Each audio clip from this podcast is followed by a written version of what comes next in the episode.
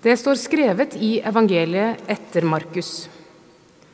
Om noen da sier til dere, se, her er Messias, eller se, der er han, så tro det ikke. For falske Messiaser og falske profeter skal stå fram og gjøre tegn og under for om mulig å føre de utvalgte vill. Vær på vakt. Jeg har sagt dere alt på forhånd. Men i de dager etter denne trengselstiden skal solen bli formørket og månen miste sitt lys. Stjernene skal falle fra himmelen, og himmelrommets krefter skal rokkes. Da skal de se Menneskesønnen komme i skyene med stor makt og herlighet. Han skal sende ut englene og samle sine utvalgte fra de fire verdenshjørner, fra jordens ytterste grense til himmelens ytterste grense. Slik lyder det hellige evangelium. Gud være lovet. Her en dag så satt jeg i denne kirka og ventet på en som skulle komme til samtale. Og Jeg satt på første benk der borte, og blikket mitt vendte mot Nordskipet. Jeg la merke til en sprekk i muren. Over det ene vinduet løper det en kraftig svart strek opp mot himlingen. En sprekk i Oslo domkirke. Dette enorme huset med de tjukke veggene som har stått her på dette stedet i 300 år og mer. Det virker utenkelig at dette huset ikke skulle være her. Men det har en sprekk i muren. Et tegn på forfall. Jeg vil tro at den sprekken egentlig ikke er farlig. I så fall ville kirka blitt stengt, og kanskje man kunne overtalt Oslo kommune til å reparere. Men om den er farlig eller ikke, så forteller sprekken meg noe. Den forteller meg at alt skal forgå. At alt er forgjengelig. Ikke bare er småtteri i våre personlige liv noe som går over. Ikke bare er vi selv skrøpelige og dødelige, og slekt vil følge slekters gang. Men selv de store reisverk skal rase. Selv institusjoner og enorme hus skal forgå. Ja, en dag vil kanskje også kristendommen forsvinne. Profetene i Det gamle testamentet forkynte stadig ting som dette. Undergang og død. Det skal ikke bli en rot tilbake. Folket skal utslettes, truer de. Så langt har ikke profetenes profetier slått til.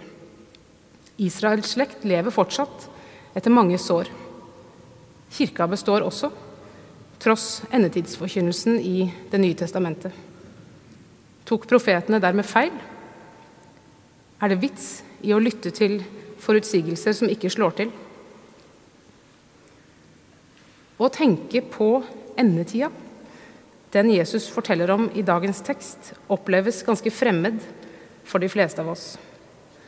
At stjerner skulle falle fra himmelen og sola formørkes, det høres ikke ut som noe som angår oss. Det er ikke slik vi tenker på vår framtid. Endetidssnakk tilhører et annet verdensbilde enn vårt moderne og fornuftige. Like, folk, like, like fullt tok jo ikke profetene feil. Og like fullt tok ikke Jesus feil. For det er en sprekk i muren i Oslo domkirke.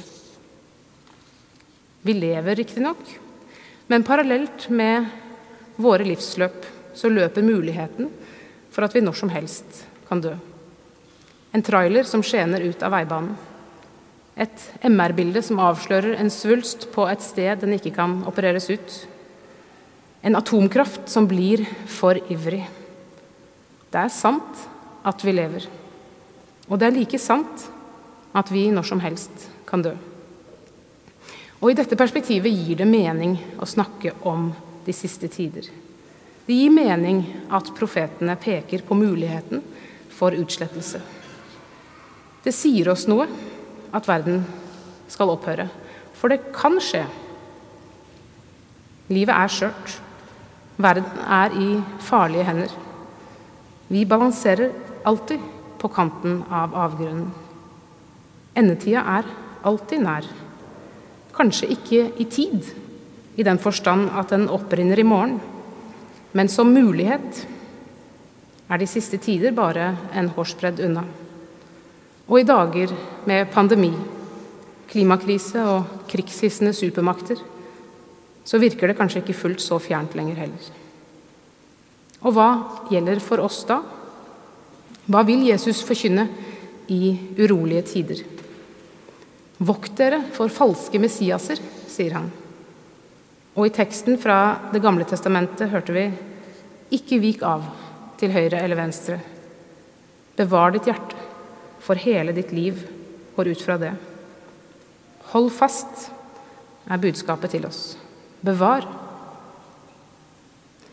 Det er fremmed å lese om endetida, og enda mer fremmed er det å lese om falske Messiaser. Disse tekstene kommer fra en annen tid. Og jeg vil ikke gjøre dem for akseptable for oss. Tekstene skal få være underlige og urovekkende og fremmede. Like fullt kan de si noe også til oss, formidle noe også i vår verden. Jesus snakker altså om falske Messiaser. Vet vi hva det er? En falsk Messias må være en som krever plassen til den sanne Messias, til Jesus Kristus. Og jeg tror at vi kan ha en anelse om hva slags figurer det kan være. En som hevder å ha sannheten, som med stor entusiasme vil lokke oss over på sin side, som krever vårt øre og vår lydighet som gjør imponerende ting for å vinne tillit. Som i siste instans vil føre oss vill, lede oss på veier som ikke er gode. En som i urolige tider lover oss frihet og frelse og velvære og sjelero, men ikke har makt til å gi det. Jeg vet om mange slike stemmer i vår tid, som med stor autoritet ber oss om å kjøpe, forandre oss strekke oss, oss mot mål som vi selv egentlig ikke tror på. Som flimrer mot oss med underholdende bilder og lyver fram en letthet og ansvarsløshet som ikke tjener det gode. Som lover oss at vi kan bli kvitt ubehaget og uroen bare vi Vi snakker lite om lydighet i vår tid. Det er ikke et ord som klinger godt for oss. Vi vil tenke selv. Men i realiteten så er vi ganske lydige, de fleste av oss. Lydige mot konsumet, mot prestasjonskultur og skjønnhetsindustri, mot de sosiale medienes logikk. Lydige mot selvdyrkelsen og blindheten for den lidende verden. Mot ting vi ikke engang merker at vi bøyer oss under. Hva vil jeg være lydig overfor? Hva er mitt fyrtårn? I hvilken retning skal stien min gå? Bevar ditt hjerte framfor alt du bevarer, for livet går ut fra det. Hvor er mitt hjerte? Alt skal rase sammen. Alle liv skal ta slutt. Det er smertefullt og vanskelig å forsone seg med døden. Men vår timelighet gir også livet verdi. Fordi det er tilmålt, skal vi ikke sløse det bort. Fordi det er så få timer, er de dyrebare. På underlig vis gir dødens grense mening til våre liv.